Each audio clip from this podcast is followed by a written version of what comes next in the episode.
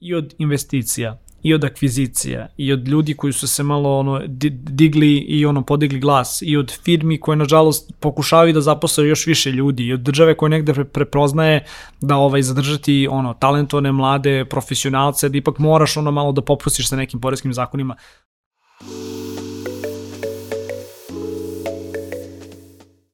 Zdravo ljudi, dobrodošli u još jednu epizodu netokracijenog Office Talks podcasta. Ja sam Marko Crnjanski, a pre nego što krenemo samo mali podsjetnik da se pretplatite na naš YouTube kanal kako biste bili u toku sa novim epizodama, dok Office Talks možete pratiti putem audio kanala kao što su Deezer, Apple Podcast, Spotify i Google Podcast. Ne znam kako mi drugačije uveo ovu epizodu nego kao Bane Bumbar iz Grlom u Jagode, ta 2021. svašta nešto novo nam je donela, da kažem i ovako na ličnom planu, kolega Tadi se oženio, kolega Mudernić, kola, ja, ja sam platio još kola, jedan tako kredit, je, da. počeo da renovira stan, ušao investitorske vode. Tako je. A i generalno, ne samo na ličnom planu, nego i, i na, na planu čitave IT industrije, mnogo toga se izdogađalo ove godine ljudi. Pa evo, mislim, ideja iz ove epizode zapravo jeste da napravimo neki širi rezime čitave priče, šta se zapravo dešavalo u industriji u kojoj sami radimo, uh, da kažemo onako taksativno po stavkama da pređemo sve od, od startupa da, preko da. gaminga i... Da, i, pa, i netokracija, Rewind. Rewind. Rewind. Rewind. Pošto, da, pošto ga YouTube više ne radi, da. pa sad moramo mi... Obično volimo pred kraj godine takve epizode, da. Da, zato što... Kaže da sumiramo čitavu poslednju da, godinu. Da, tako kontent je najlakše kreirati. da, da.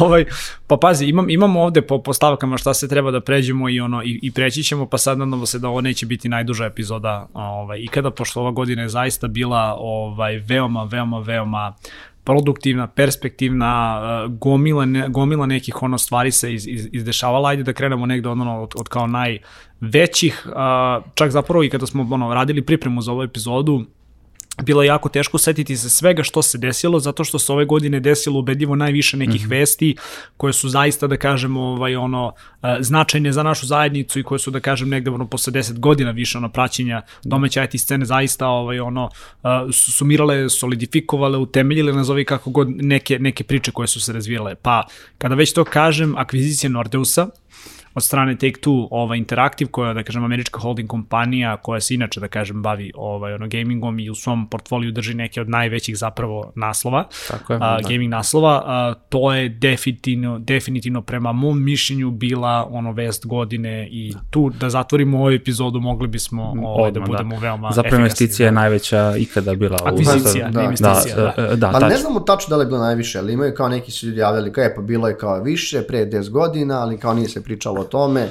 Pa pazi, tako, ovaj, tako neke stvari su da.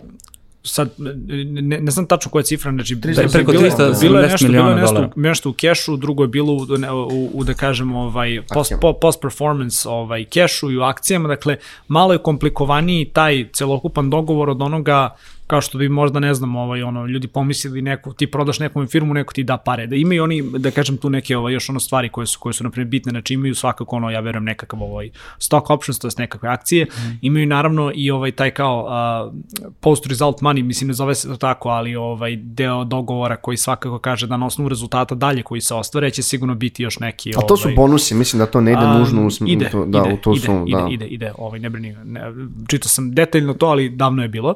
Ali ovaj, u svakom slučaju to je vest koja je ono definitivno utemeljila negde ovu godinu i mislim obzirom da se desila, da kažem, ovaj letos, a možda negde čak i trasirala put za ovaj mm. drugi deo godine koji je bio nenormalan. Mislim, setimo se samo ovaj, e, kakve smo se akvizicije imali, evo imali smo i akviziciju Glova, to duše to je bilo na globalnom, to je Glovo je zapravo akvizirao Donesi, a, na, na globalnom nivou su se desile, da kažem, još druge neke akvizicije, ali po meni... Reklo bi se sam... da Donesi sada Glovo, ja mislim da je da. Da, da, apsolutno bi se rekli da je Donesi sada Glovo, ali po meni su, na primjer, te vesti ovaj, veoma značajne jer smo konačno negde videli da stvari ne mogu samo da stoje ovaj, na, mrtvom, no, no, na mrtvoj tački da se ne pomeraju, već jednostavno da čitav taj proces uh, kupovine, ajde da kažem trgo, no, no, trgovanja zapravo kompanijama se negde sada dešava i, i ovde kod nas. Mislim, jedan od glavnih razloga, ono što sam ja makar čitao ovaj, o tome jeste zašto je ono kao, čak i u dobu pandemije, ako govorimo o tehnološkim kompanijama, berza je zapravo bila veoma blagonaklona prema njemu i mhm. kompanije mm -hmm. sada imaju daleko više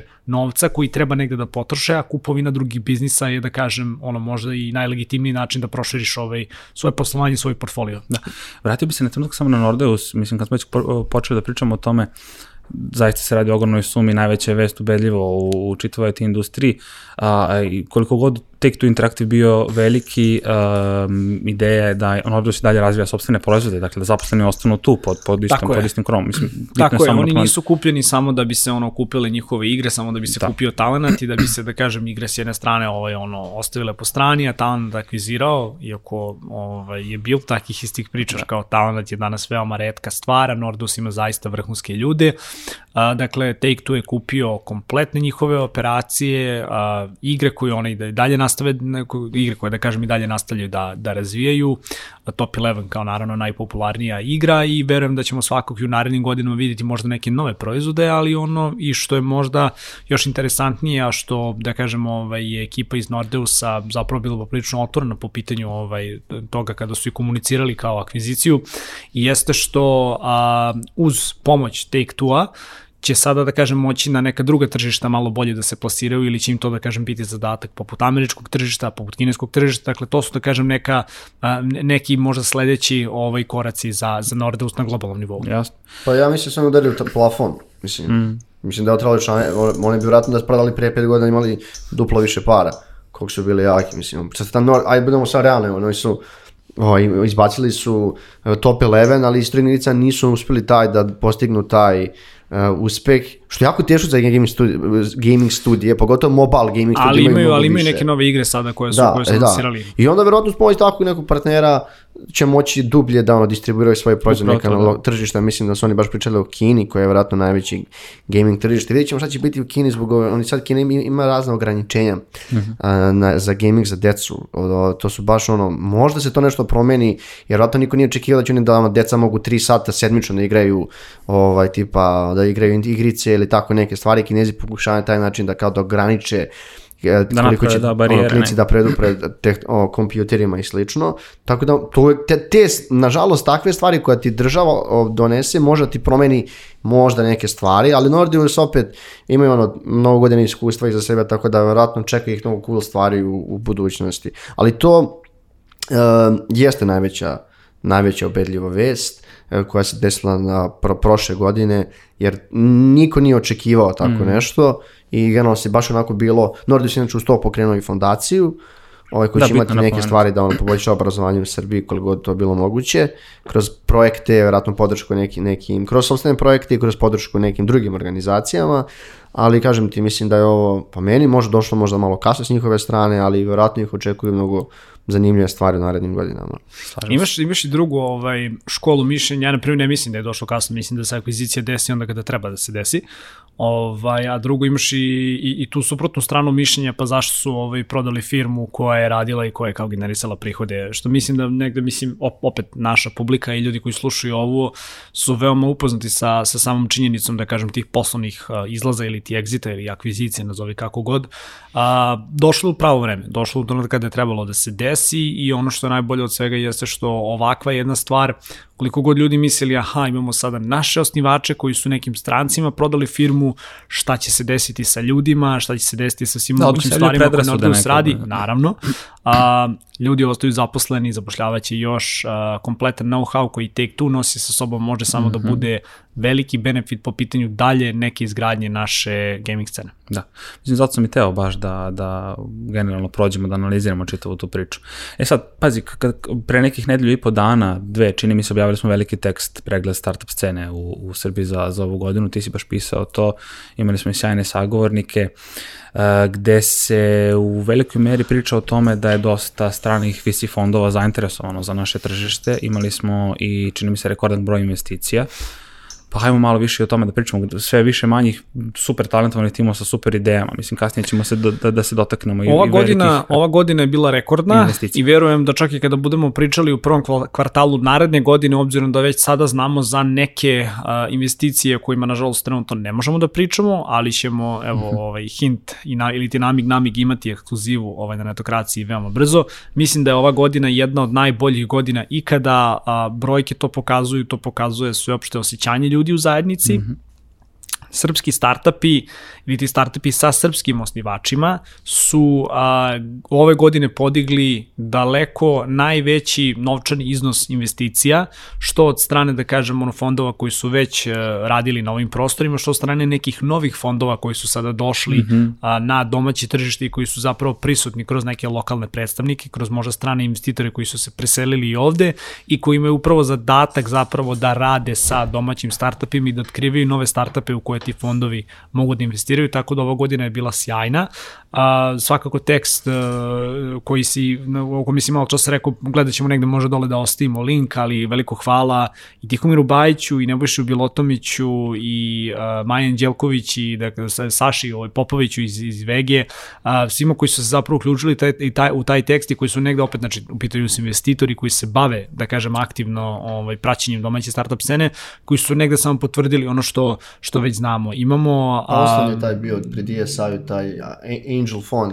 Tako je, imamo, imamo, dakle, imamo, imamo prvu grupu zapravo anđelskih investitora, što je, što je isto jako bitna stvar. Mislim, ako pogledamo zapravo ove po investicijama, evo imamo sada Connected Dots, eh, gde on tipa, ne znamo, 90% firme u Srbiji, 15 miliona da. su zapravo ovaj, prikupili. I tek će se širiti ovde. Tek će da. se širiti, imamo neverovatne, ovaj, imamo neverovatne vesti kada je Web3 u pitanju, evo Tempus, ovaj, Finance, isto da kažemo, ono sa domaćim osnivačem, mislim da su dal 15 ili 19 miliona investicije, pričat ćemo malo kasnije. I, i o, to nije da, da, da, da, ali svejedno, mislim, ono, veliki je, veliki je novac u pitanju, pričat ćemo naravno o tome kasnije i evo, imamo naravno i Tenderli koji je ono opet 15 uh, ili, ili ako se ne varam čak i više ovaj, miliona. Ne, imali su da, oko dve runde, u dve ali tako nešto, da, ali, oko 15 znaš, ono, kao govorimo, govorimo o više milionskim iznosima za tu neku ono kao ili ti seed ili ti series A rundu investiranja, Uh, to su iznosi uh, o kojima do pre par godina nismo mogli ni da, ono, ni da, na koje nismo mogli ni da pomislimo, a evo ove godine se konačno dešavaju.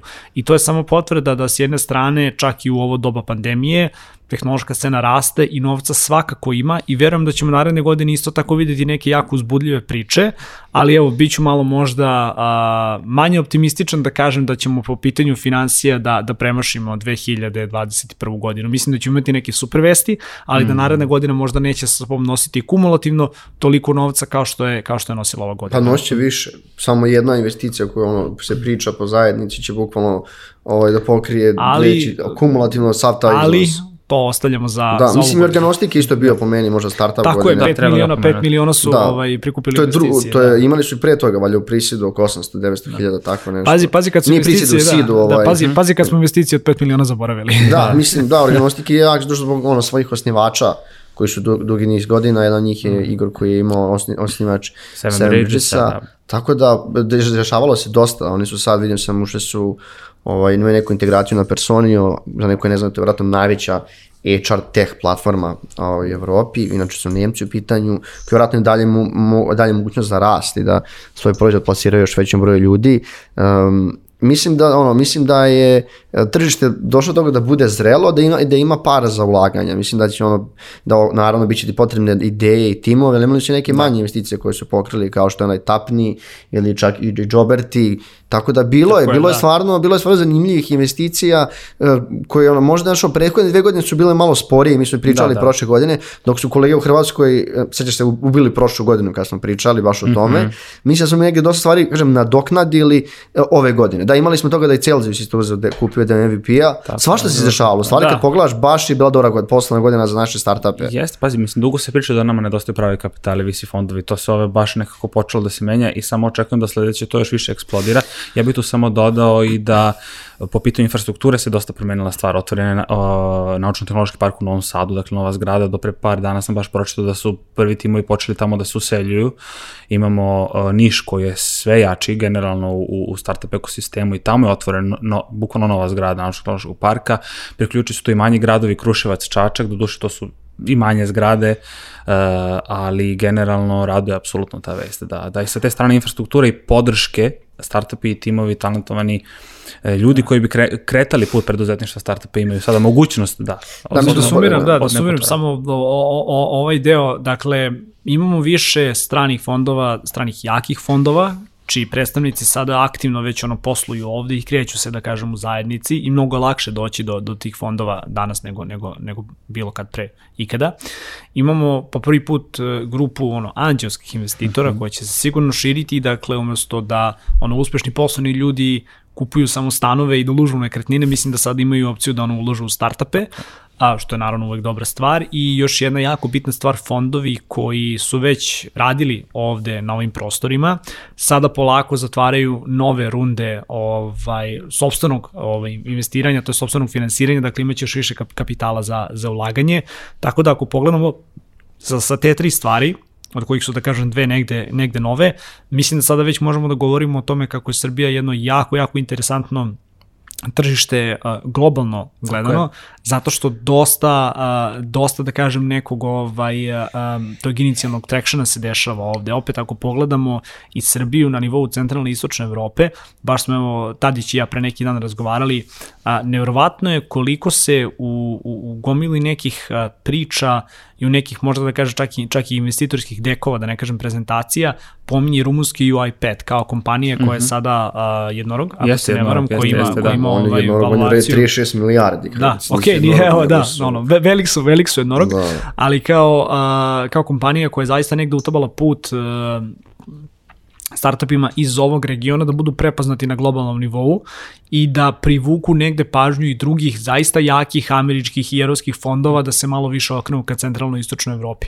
Da ne gledaju na Tako nas je. samo kao na a, dobar talent, već da nas gledaju kao, kao ljude koji zapravo mogu da, da, da rade. Da, da, dokaz za to bi dodao da. samo, imali smo čak i par vesti uh, na netokraciji do pre par dana da su fondovi, ne znam, iz Austrije i ostale unike, da, jest, na da. Uh, pokrenuli, pa zainteresovani da ulažu u start. Biće dostupnije mm. finansiranje, vjerojatno, godinama koje bude Što znači da, da izgovor ono da nema financije, ne, neće više biti ono, da, još manje će biti moguće. Dobro, to, ono, izbacili su ovi bili iz Atomika isto onaj tamo neki veliki vod, vodič za startup i slično, mislim da je ono ok finansiranje finansiranje među jeste problem da ono nedostatak talenata, ne pričamo sad samo o dev talentu, nego i taj ono talentu koji prati sve da bi ti izbacio uh, proizvod na tržište, potrebno su ti marketing ekipe i HR koji će ti pomogni u skaliranju tog tima i ne znam, sales, bizdev. Uh, znači sa rađenjem takvih startupa rađaju se mnogo, mnogo pozicija ne samo u programiranju, nego ono i product timovi, dizajn, jer ti, je. ti moraš ono da napraviš proizvod i slično i mislim da ono imaće prili, ima, i bit će prilike za, ono, za, za otvaranje novih pozicija, ne nužno, ono, znači, e, ono, ne nužno da. devu, nego i ne, tim op, operacijama, da kažem. Ja, šta, nismo ubacili, nismo ubacili ovde na spisak kao, kao definitivno vest godine, a, a mm. makar ako mene pitati jeste i nemogućnost uh, kompanije da zapravo zaposle dovoljno broj ljudi. Mislim da je to da. veoma bitna stvar. A, pogledajte samo o, o broju kompanija koje se nama javljaju, čak možda i da kažem kompanija koje znamo već dugi niz godina koje uvek negde pitaju da li znate uh -huh. uh, firme koje, to, to da, da li znate pojedince koji su negde da kažem otvoreni za zapošljavanje. Uh, manjak kvalitetnog kadra ovde uh -huh. u mhm. Srbiji je, mislim, ove godine primetniji nego bilo koje druge. Da, I to ja, je problem da. sa kojim ćemo se da. jako, jako teško izboriti. Nije samo manja kvalitetnog, nego ma, ma, manja kadra. Ti ne možeš da nađeš taj kadar pa da ih obučiš, ne, ni nek napraviš. Ne, ok, kvalitetni, kvalitetno ćeš kadra, neko će uvijek, kvalitetni ljudi će lako naći posao, ali što ti ne možeš da nađeš, ne možeš sad nekom ubedi da ako zapošljaš 20 programera da su oni svi top talent, verovatno nisu, ali ti ne možeš da nađeš ti 20 programera. Naravno. Ne možeš da i neke druge stvari. Mi smo zaboravili, sam se setio, i, i Janare je imao tipa zaista finu investiciju. Šta sam pročitao ovde, baš sam gledao naš ovaj vodič, oni su imali 2 miliona, a, mislim da Erik, da je deo, sad čitam da je deo tima Erika Raša stojao iz deo, deo te investicije, imali smo veliku vest, smo nekako ovde zaboravili, Hightech je došao do situacije je. da je jedna naša domaća kompanija koja zapošljava, baš smo pričali, mnogo ljudi, oni su zaposlili skoro hiljaditu osobu, mm. imaju kancelarije širom sveta, oni su po nekim njihovim pričama žele da izađu na berzu za ono dve, tri godine možda malo jače, to su opet sad neke druge priče za sebe, ali su uspeli da kupe jedno, zaista jedan jak dizajn studio iz San Francisco, mhm. da, koji da ga ovaj, stavi u svoj portfolio, znači oni će sad moći da ponude još bolje dizajnirane proizvode svojim klijentima. Mislim da je to velika stvar da jedna, možda se nije dovoljno pričalo o tome, ali da jedna domaća kompanija akvizira nešto u San Francisco, obično je obrnuto. Znaš, mislim da to zaista to lepa stvar. pomenjali i, i u tekstu. Ono što bi takođe dodao isto je bitno sa strane a, pomoći države. Koliko god naša država bila možda nekada, kažem tako, kilava po nekim pitanjima donošenja odluka, a, pomoći... Nekada, nekada, i, nekada nije kilava, nekada i previše ovaj forward thinking. previše forward thinking definitivno, ali a, isto smo zaboravili da napomenemo da je donet regulativa da startupi budu prepoznati u pravnom sistemu Uh -huh. uh, to je bila nova vest, isto važna vest, da kažem, sa strane podrške države čitavom ekosistemu. Pa da, da, ovaj, svakako oformljena je radna grupa koja se time bavila, evo igram slučajem ja sam, ja sam bio deo toga, ovaj, to je s jedne strane, ajde da kažemo, ono, zakonski uvek dobro kad se neke stvari prepoznaju, onda sistemska podrška može, može da, da, da se obezbedi. A, ideja negde sa tim planom jeste i bila zapravo da se obezbedi podrška a, u radnom periodu od 2021. do 2025. Mm -hmm. godine, a, da ukoliko slučajno dođe do promene vlade, mislim, evo izbori su već naredne godine, a, što je možda malo da kažem i problematično, zato što smo veliki rast ostvarili zapravo u proteklih 4 do 5 godina kada smo manje više da kažem imali gotovo isti sastav vlade sa istim ljudima ovaj na vrhu da, da ispadnemo ovaj kao Novak Đoković u potpunosti apolitičan ovaj nije sad pitanje da kažem baš ko je ko je na vrhu države ali kao bitna stvar je da smo imali 4 godine kontinuiteta i da se neke odluke i neke strategije nisu a, menjale već da su zapravo izgurane od početka do mhm. kraja to je mhm. jako bitno ovaj napomenuti i opet sa tim predlogom a zapravo sa usvajanjem te strategije dobra stvar je što se ostvaruje sistemska podrška da se neke stvari u narednih pet godina ovaj realizuju, opet uključujući različite ministarstva, organizacije. različite organizacije koje se mm. zapravo bave eh, promocijom preduzetništva i podrž, podrškom, to. ovaj, eh, podrškom, da kažem, startup, startupima u Srbiji. Tako da je to jedna jedna ono jako jako jako cool i pametna stvar koja koja je ovaj donesena. Definitivno. E sad, nekako uh, prosto ovaj pregled, da kažem, rezime čitave industrije ne može da prođe bez gaminga. I, i sami se ovaj, verovatno slažete koliko ta industrija u Srbiji raste e, nekako da kažem kontinuirano iz godine u godinu, evo i, i to dokazuje i SGA report koji smo imali e, i ove godine smo pisali i prošle godine, znači sarađujemo sa njima sjajno, oni su super organizacija stvarno sa strane edukacije i podrške malim game day studijama i kompanijama na kraju dana. Za sve one koje, koji žele i, i planiraju da uđu generalno u gaming industriju, izazovnu gaming industriju, uh, inače vrednu kao filmska i muzička zajedno, ali baš što se tiče lokalnog stanovišta Srbije, uh, ona i dalje beleži taj neki, da kažem, rast vrednosti od 100 pa možda i 120 plus miliona dolara. Konkretno prošle godine redala toliko, vidjet ćemo šta će da kaže report za ovo, ali ja verujem definitivno da je to poraslo dodatno.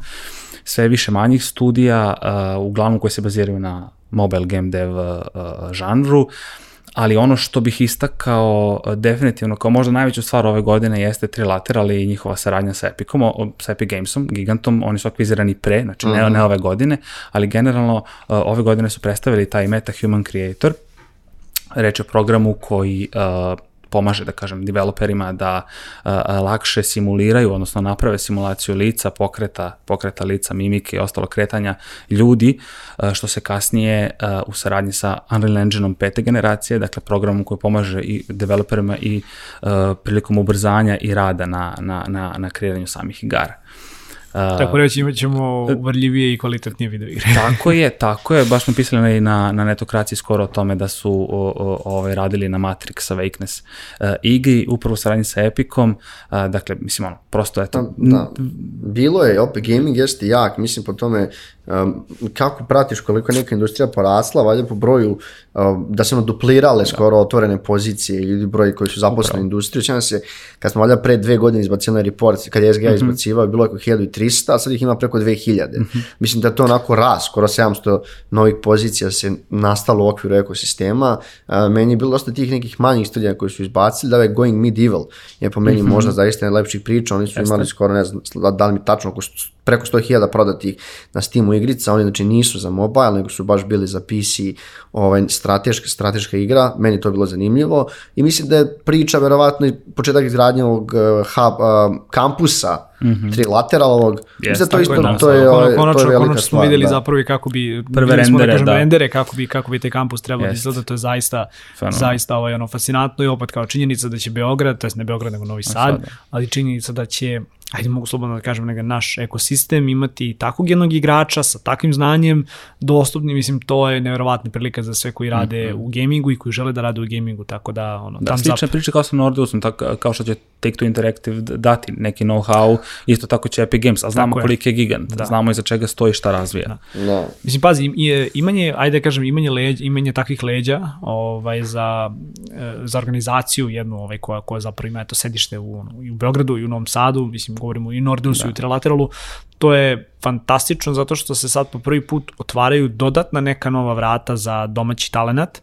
Mm. A, iako sad ono kao gledamo taj neki kao razvojni put, znači neko može da a, uđe u takve organizacije, a, može da ode i na globalni nivo da radi, može zapravo i ono kasnije da pokrene svoju neku priču i ako pogledamo taj neki kao ciklus zapravo i kao ko su, ko da. su ono dalje neki osnivači, ovo je jedna sjajna prilika da ljudi a, podjedno rade na globalnim proizvodima iz Srbije i da rade sa ljudima koji stvaraju ovaj, ono, širom sveta velike i, ovaj, i zaista uspešne globalne proizvode, ali da sa tim znanjem možda kroz 5, 10, 15 ili, ili koliko godina upravo ovde u Srbiji pokrenu nešto svoje i da negde vrate tu ono, ili da kreiraju ili da vrati tu negde dodatnu vrednost na, na, na ove prostore. Tako je, mislim, mi prosto govorimo o globalnom tržištu vredno desetinama milijardi dolara. A Ma dobro, ne? gaming je baš eksplodirao od kako korone i, ne, i kako izgledam nestaje. Znaš, bilo bi super to kao kod nas izbaci neko, ovaj, pa i Ubisoft je radio da naš domaći studio radio njihovom ovaj, novoj igrici, imali smo i podcast o tome, ovaj, to je isto lepa priča. Je, tržište onako baš raste i dalje jeste u početku, da kažemo, i vjerojatno će i narednih godina biti neko ono, u našem, kažem, bit će negde u fokusu svih nas. Definitivno. Definitivno. Na, mislim, mi ćemo svako nastaviti na to da pratimo, postoji gaming rubrika za to. Uh, dakle, mislim, eto, ne znam šta bi još dodao što se gaminga tiče, uh, ali ajde da kažem, eto, prosto prešli smo neke teme i gaminga i startupa uh, i, i IT industrije generalno, ali ono što je takođe obeležilo ovu godinu, mislim, ne skrećemo mnogo sa kursa, ali uh, prosto sa tog nekog društvenog aspekta uh, jesu ti protesti uh, i da kažem takozvani ekološki ustanak, uh, zašto je bitno, ajde Mari da krenemo tebe, se, sećamo se tog uh, retvita Ane Brnabić na, na, na, na Twitteru i, pa da, i reakcije mislim, zajednice. To je, to, to, je bilo, to je bilo malo, malo i smešno. Ovaj, s jedne strane, a, premijerka ili neko ko vodi njem profil je zapravo podelio link ka našem tekstu o pregledu startup, da kažem, pregledu negde startup ekosistema za 2021. koji je baš bio onako veoma pozitivan i zaista um, obelodanio koje su to investicije uh, koje su, da kažem, ostvarene tokom, tokom ove godine. Uh, moj uh, retweet ili ti moj, moj quotovan retweet je bio, pa rekao sve to lepo, ali kao programeri ne žele da im deca udišu, uh, te domaći programeri ne žele da im deca da, udišu zagađen vazduh i piju zagađenu vodu i ovaj, spakovaće se i otići. Što je negde zapravo možda i, i, i absurd ovaj, bilo čega što se dešava u Srbiji. Netokracija je medij koji prati jednu industriju koju raste i logično je da kod nas uglavnom ljudi koji nas čitaju i teme koje mi obrađujemo su da kažem deo tog nekog mehura. Mm.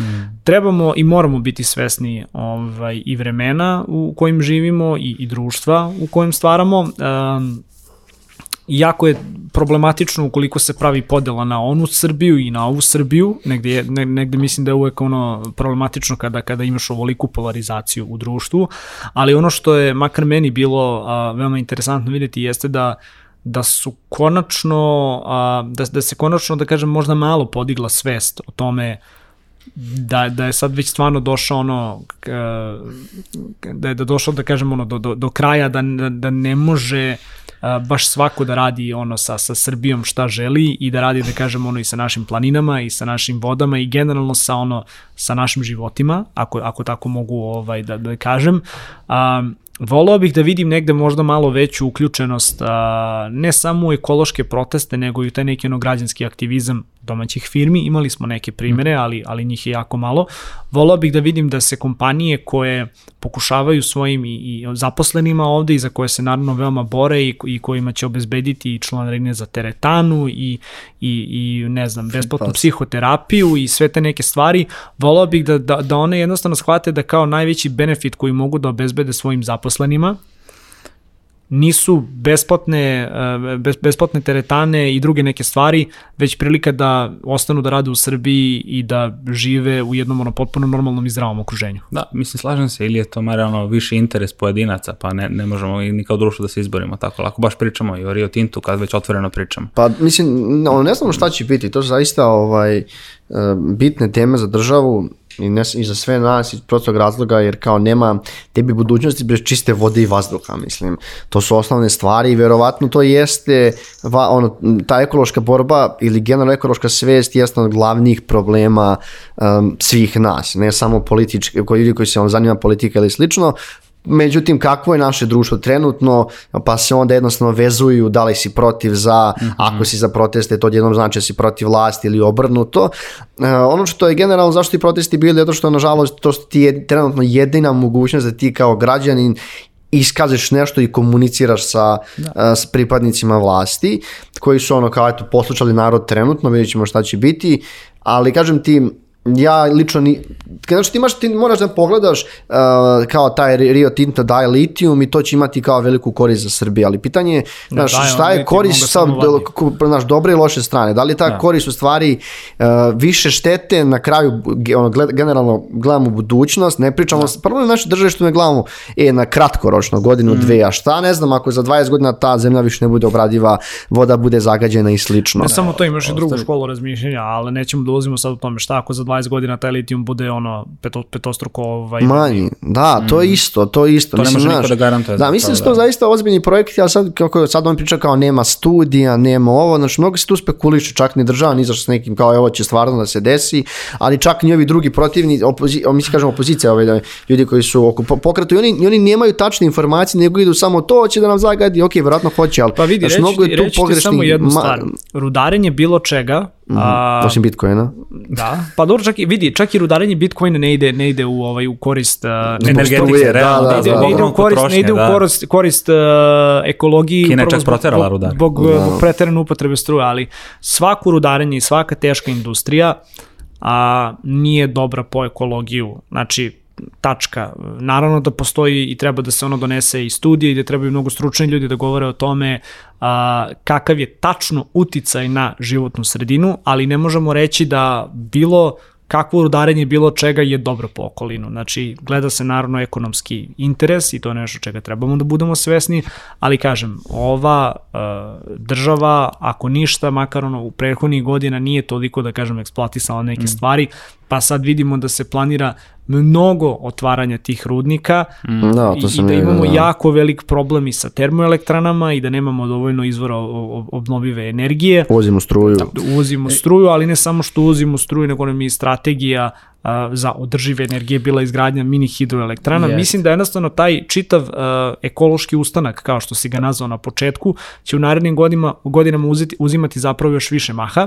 Voleo bih da, da negde mi kao građani ne budemo samo ovaj ono protiv Rio Tinta i protiv drugih da. nekih kompanija, da možda malo pogledamo i svoje dvorište, pa da krenemo da recikliramo, da se malo više bavimo ekologijom i na tom ličnom nivou, da. ali na ovom velikom, globalnom, da kažem, nacionalnom nivou, neke stvari su se zaista promenile. E, mi da bi, ono, mislim, aj sad, to je neka izlazana floskula, svi znamo, ali da bi kao država napredao trebaju ti obrazovani ljudi. Znači, ljudi koji će da pokrenu neke industrije.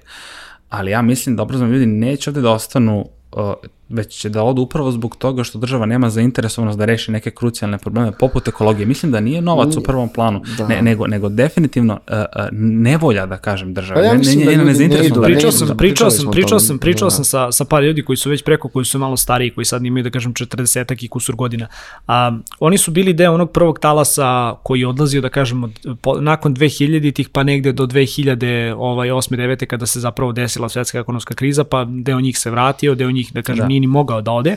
A, od, ajde da kažemo, od 2010. pa do danas imali smo možda negde novu generaciju ljudi koji su odlučili da ostanu u Srbiji, baš zato što imaš prisustvo velikih kompanija, zato što u Srbiji mogu lepo da zarađuju, zato što su, da kažem, odlučili da negde ostanu ovde, ali mi moramo samo da budemo veoma svesni da ti ljudi neće ostajati u Srbiji ukoliko im ne bude obezbeđena ono, zdravo okruženje, u, u, uslov da na kraju dana ostanu ovde, a imamo da. i veliki problem što nova generacija mladih programera, ne samo programera, nego IT-evaca i digitalaca, neće onda gledati Srbiju kao perspektivno tržište mm. i taj problem sa kadrom koji je već izražen će biti samo još više izraženi. Pa ne znam baš. Mislim da ja, nije baš tako jednostavno kao što Marko kaže. Ja mislim da ljudi su odlazili iz Srbije ono, od, od prvog svjetskog rata ranije, mislim imamo gastarbajtere 70-ih. Znači koliko ljudi je otišlo, koliko naših ljudi ima po Europi, više vratno nego sad.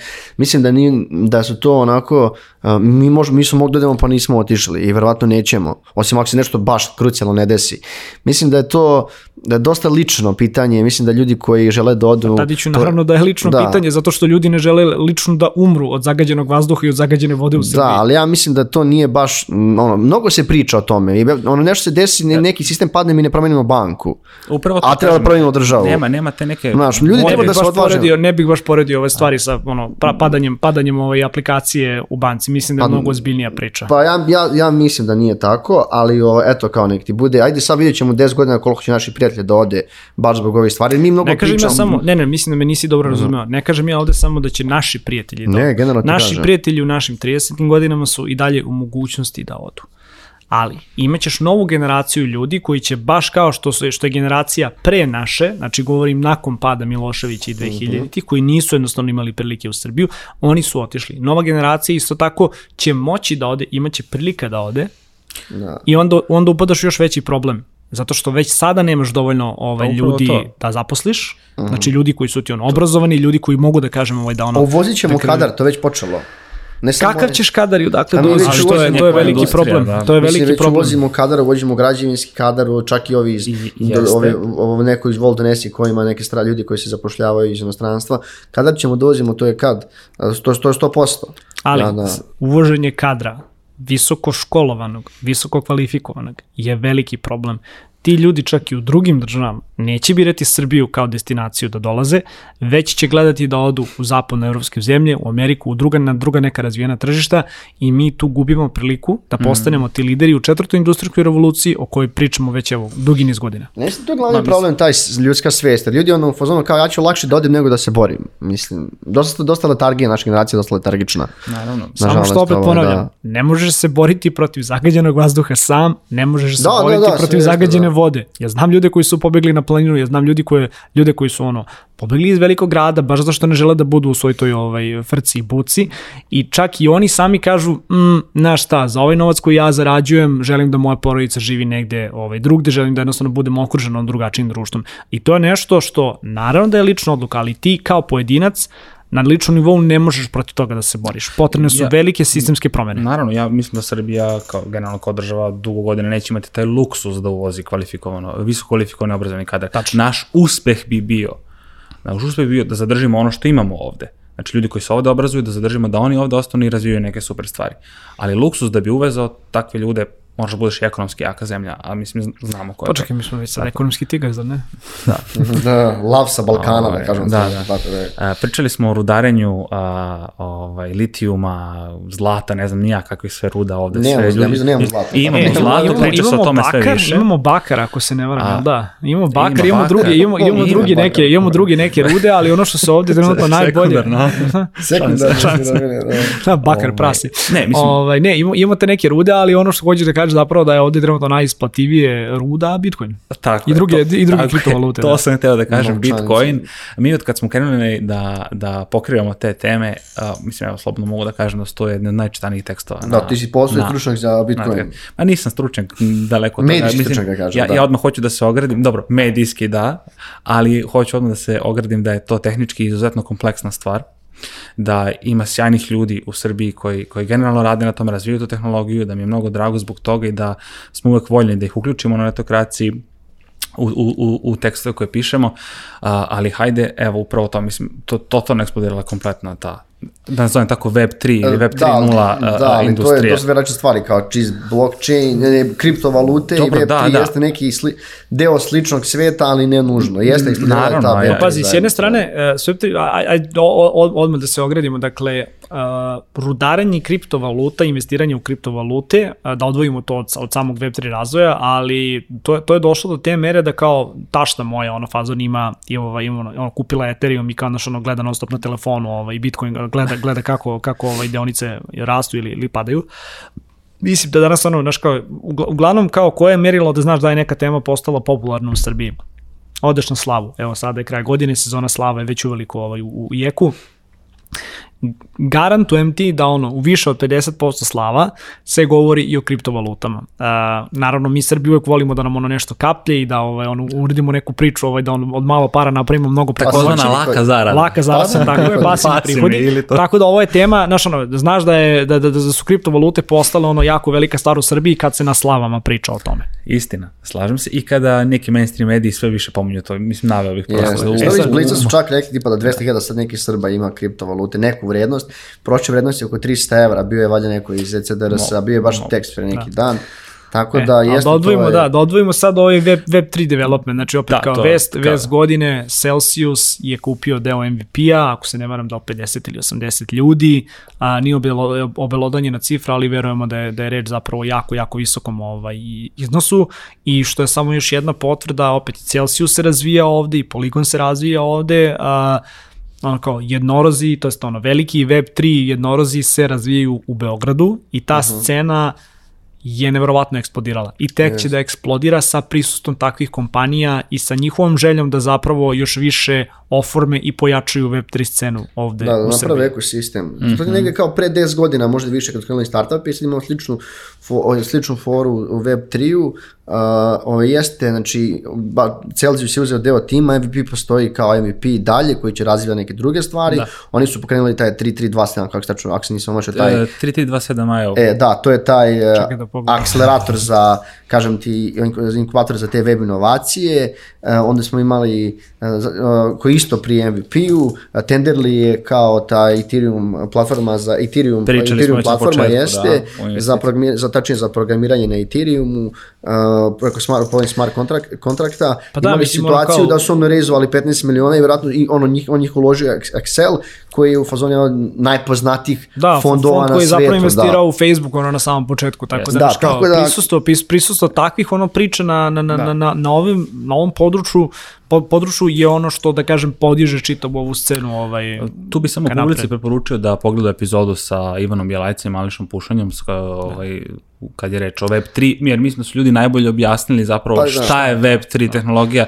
jer evo sad... Linkovat ćeš se. Da, Da, i ovi, bit će link- imali smo epizodu iz produkcija Tenderlija će da završi. isto radili sli- Tako je, i Tenderly, dakle, ono, ubacit ćemo u karts tamo i, i, i linkove i sve, tako da publika će imati priliku. Mislim, koliko god delo lopšeno, Web3, kad neko kaže Web3 tehnologija, šta zapravo podrazumeva i Pa ostalo. da, znači to nek decentralizovane razne stvari, gde je u fazonu, ono, jer generalno ti sad imaš uh, mnogo regulativa, mnogo nekih zakonskih mešanja, mnogo umešanja vlada u razne stvari. Web3 jeste, kako kaže, da svi imaju pristup, svi ljudi imaju pristup nekim uh, aplikacijama koje ti razvijaš, uh, tako da nastali su te takozvani DeFi saver, imamo ti čak i tim koji razvija DeFi saver, to je ovde, to su takozvane decentralizovane financije. E, zaista postoji par sup, onako zaista jakih lokalnih ekipa gde ljudi, koji ljudi čak i ne znaju, a koji su ono napravili jake imena u tom celom svetu. Mislim, ono, naj, najbolja stvar koju može kažeš za Web3 jeste ono kao, gledaj šta je Web2 uradio pre 10-15 godina, to isto će se desiti i sa Web3 u nekom trenutku. I kao, Da, da, da. ko Ja sad pročitao- rano skoči ovaj, na taj voz, ono, A mislim da Srbija ima dobar položaj. Znaš kako? Srbija ima sjajan položaj i mislim daš kada govorimo kada govorimo malo kao o toj četvrtoj industrijskoj revoluciji i kada vidiš političare koji koji izlaze ovaj ono uh, u javnost sa sa tom pričom moramo samo da budemo svesni da kao ono ako već tražimo te prostore gde sa ono najmanje uloženog inputa možemo da imamo najveći output ako zaista radimo na tome da se ovde razvijaju neverovatne Web3 priče i da se, da kažem, ulaže u edukaciju ovaj, ljudi da, da zapravo rade u Web3-u, ovaj, to ti je potencijalno da u narednih, ne znam, 10 godina ono, od Srbije nastane bukvalno nova Estonija ili ne znam ti nija kakav, eh, kakav, kakav da kažem, ekosistem. Da, da, mislim, znaš kako, ljudi, generalno ti ljudi koji se bave tim, oni se kunu u to, ljudi koji su ono i dalje u nekim drugim stvarima, kao, aha, deluje mi kao možda, ono, kao nesigurna priča, kao mehur, ali kao vjerojatno ćemo vidjeti šta će biti za 10 godina, uh, kao, i, kao i generalno svemu, vreme će da pokaže šta je dobro, šta je Pazi, loše, šta je uspešno, šta je. web 2 od kad je nastao je mehur. Mislim, pogledaj Pa šta se jeste, sad da. dešava, imaš nikad više novca od strane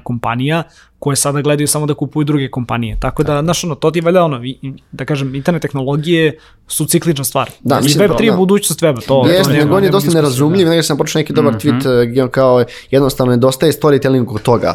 Znaš, da Tako je. objasniš ljudima Mislim da- plastično čime, šta to se može da uradi. Mislim da je super primjer NFT za to konkretno. Znači, NFT jeste, NFT, je super proizvod, Znaš. proizvod iz Web3-a koji je baš na, nastao na, kako se zove, na, ovaj, možeš, danas postoje Web3, NFT berze, imali Tako čak je. i ovde UNICEF je radio sa opomenutim kompanijama da su f- preko te OpenSea, da inače humanitarna to je inače platforma za kupovinu, plansi- lansirali su izložbu Poput gde Solane isto, da. Jeste, uh, to i Solana isto kao, isto kao Ethereum gde možeš da radiš i praviš proizvode na tome.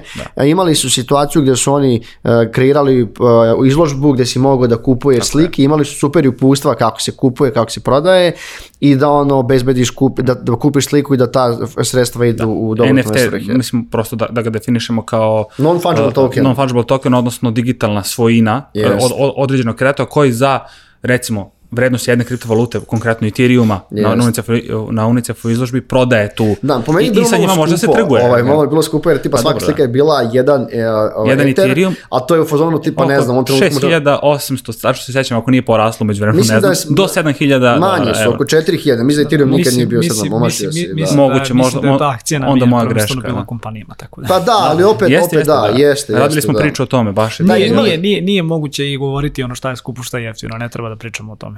Naravno. Pa dobro, dobro, to jeste tačno, ali za prosječnog nekog Srbina koji bi možda hteo da, da uzme to, da. Prosječan Srbi nije ciljna grupa. Da.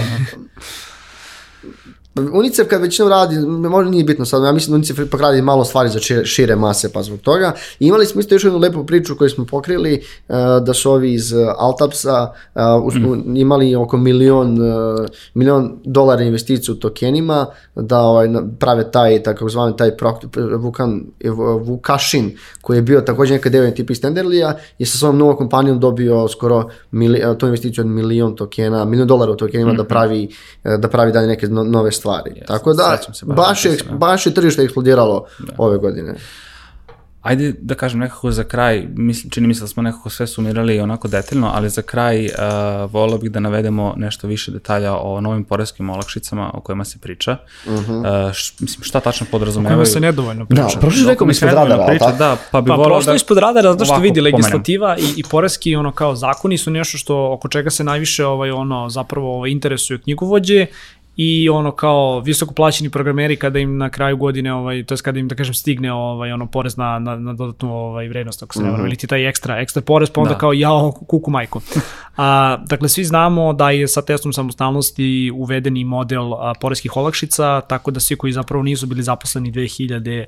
19., godine ako se ja, ne varam su zapravo mogli da se od 2020. to stačno pred pandemiju zaposle i da ostvaruju ove poreske olakšice, znači prve godine 70% poreskih olakšica, druge godine 65 i treće godine e, 60, dakle mi smo sada u drugoj godini tih poreskih olakšica.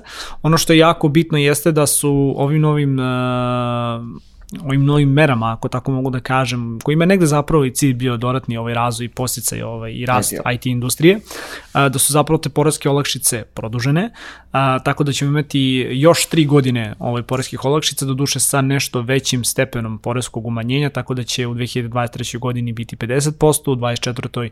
a, 40% i u 2025. Da. godini 30% poreskih olakšica. A, Sa manjim jako, stepenom poreskog umanjenja, ljudi čisto rekao pa, većim, da. Ne, ne, ne, kažem, rekao sam manjim. Ne rekao si većim porez, nebitno, on nije bitno Uh, sada. biće ve, već, ja, Biće u pr- principu veći porezi će se plati, plaćati, Jeste. ali će biti ovaj, e, i veće umanjenja. Jeste, jeste, to je to, da. E. Ne znam sad šta sam rekao, pre... Ali da, baš si me, baš si da. me zezao. U svakom slučaju, znači šta je ideja? Ideja je da ovi ljudi koji su, da kažem, ono, zbog te samostalnosti se zaposlili Mhm. u firmama, da će moći da kažem da se sobom nose olakšice još naredne tri godine, a bit će otvoren i novi ciklus poreskih olakšica, dakle po principu 70, 65, 60, koji će od naredne godine zapravo moći da koriste kompanije koje onda zapošljavaju ljude koji u 2021. godini nisu bili u punopravnom radnom odnosu.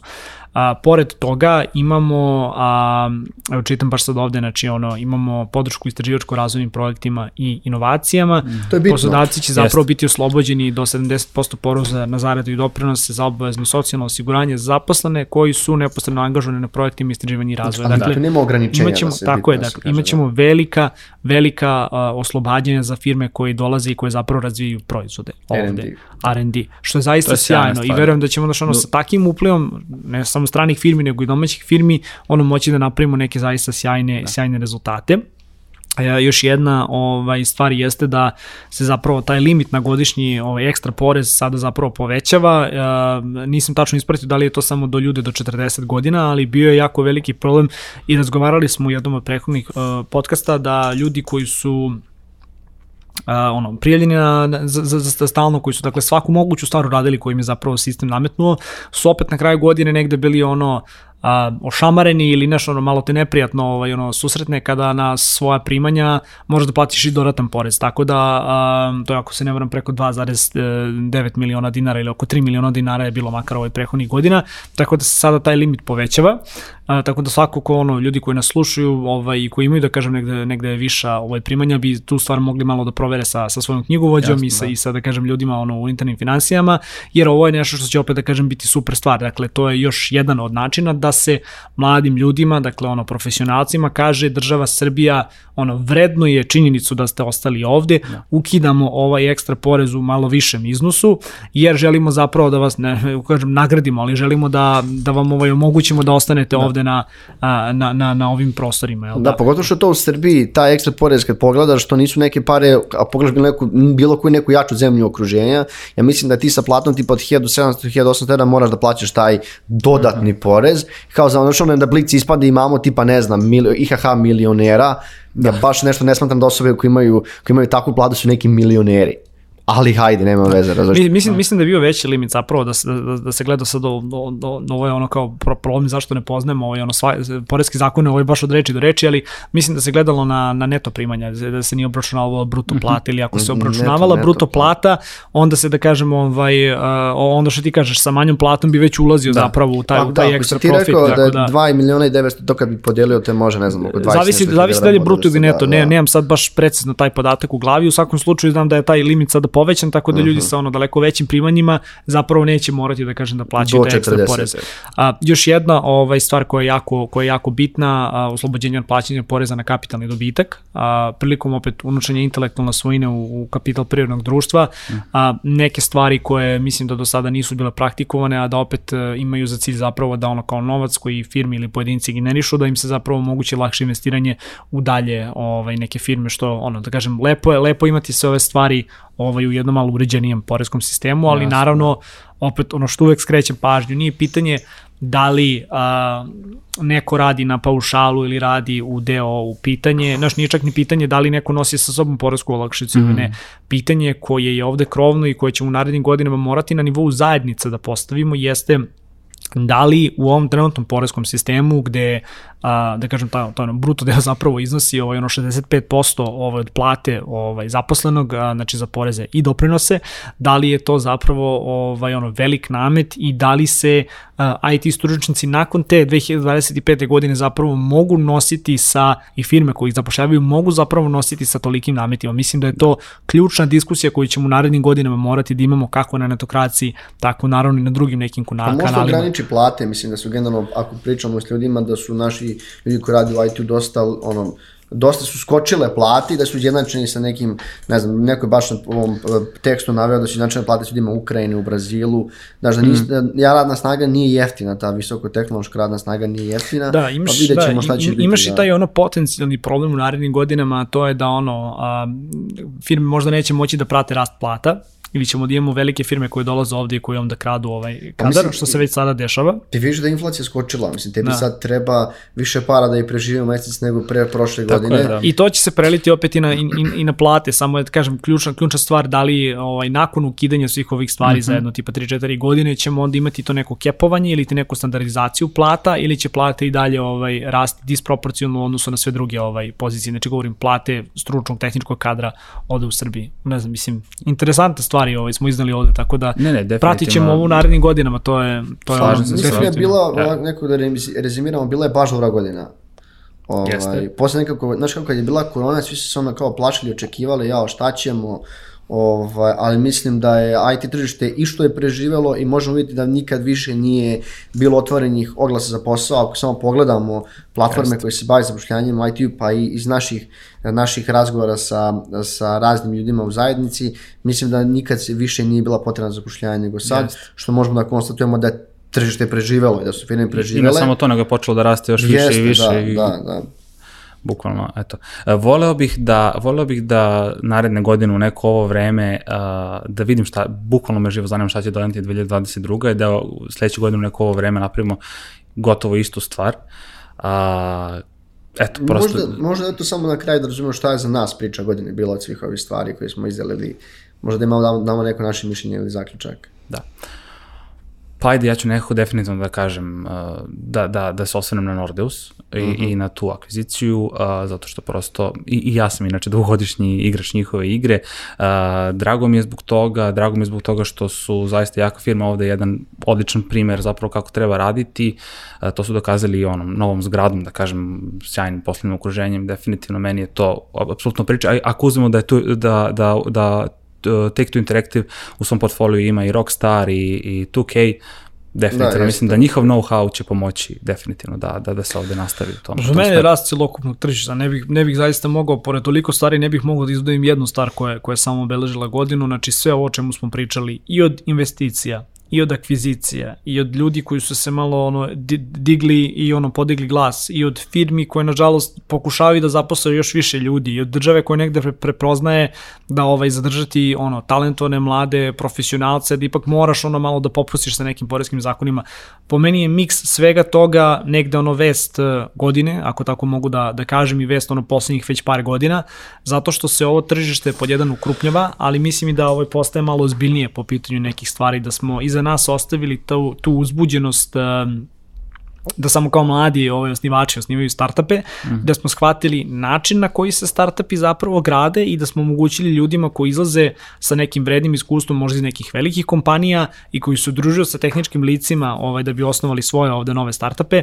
Mislim da smo takvim ljudima sad ono jasno ovaj, uh, skrenuli pažnju i kakvi su potencijali rada uh, i razvoja startupa ovde u Srbiji, ali i koji su, da kažem, alati i mogućnosti da se ti startupi razviju ovde. Tako da Jasne. budućnost je zaista svetla, po mom nekom mišljenju, ali imamo mnogo problema kojih moramo da budemo svesni i ne možemo samo na nivou društva ili industrije isticati lepe stvari. Moramo biti svesni i aktivno u javnom negde okruženju govoriti o ružnim stvarima kako bi se one ispravljale i, i kako bi dalje prosto čitava scena rasla. Slažem se skroz. Tadija, bi ti možda dodao?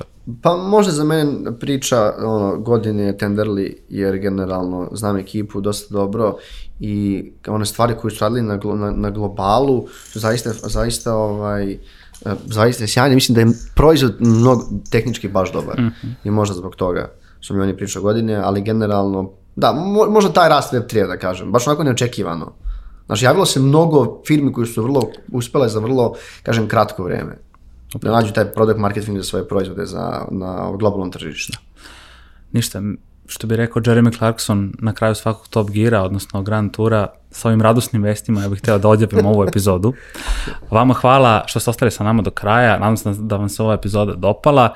Uh, u opisu će biti svi linkovi uh, vezani za sve ono što smo pričali uh, i, za tekstove na koje smo se pozivali u ovoj epizodi. Vama hvala još jedno, mali podsjetnik da se preplatite na naš YouTube kanal i Office Talks možete pratiti putem audio kanala kao što su Deezer, Spotify, Google Podcast i Apple Podcast, a mi se vidimo u nekim narednim epizodama. Pozdrav! Ćao!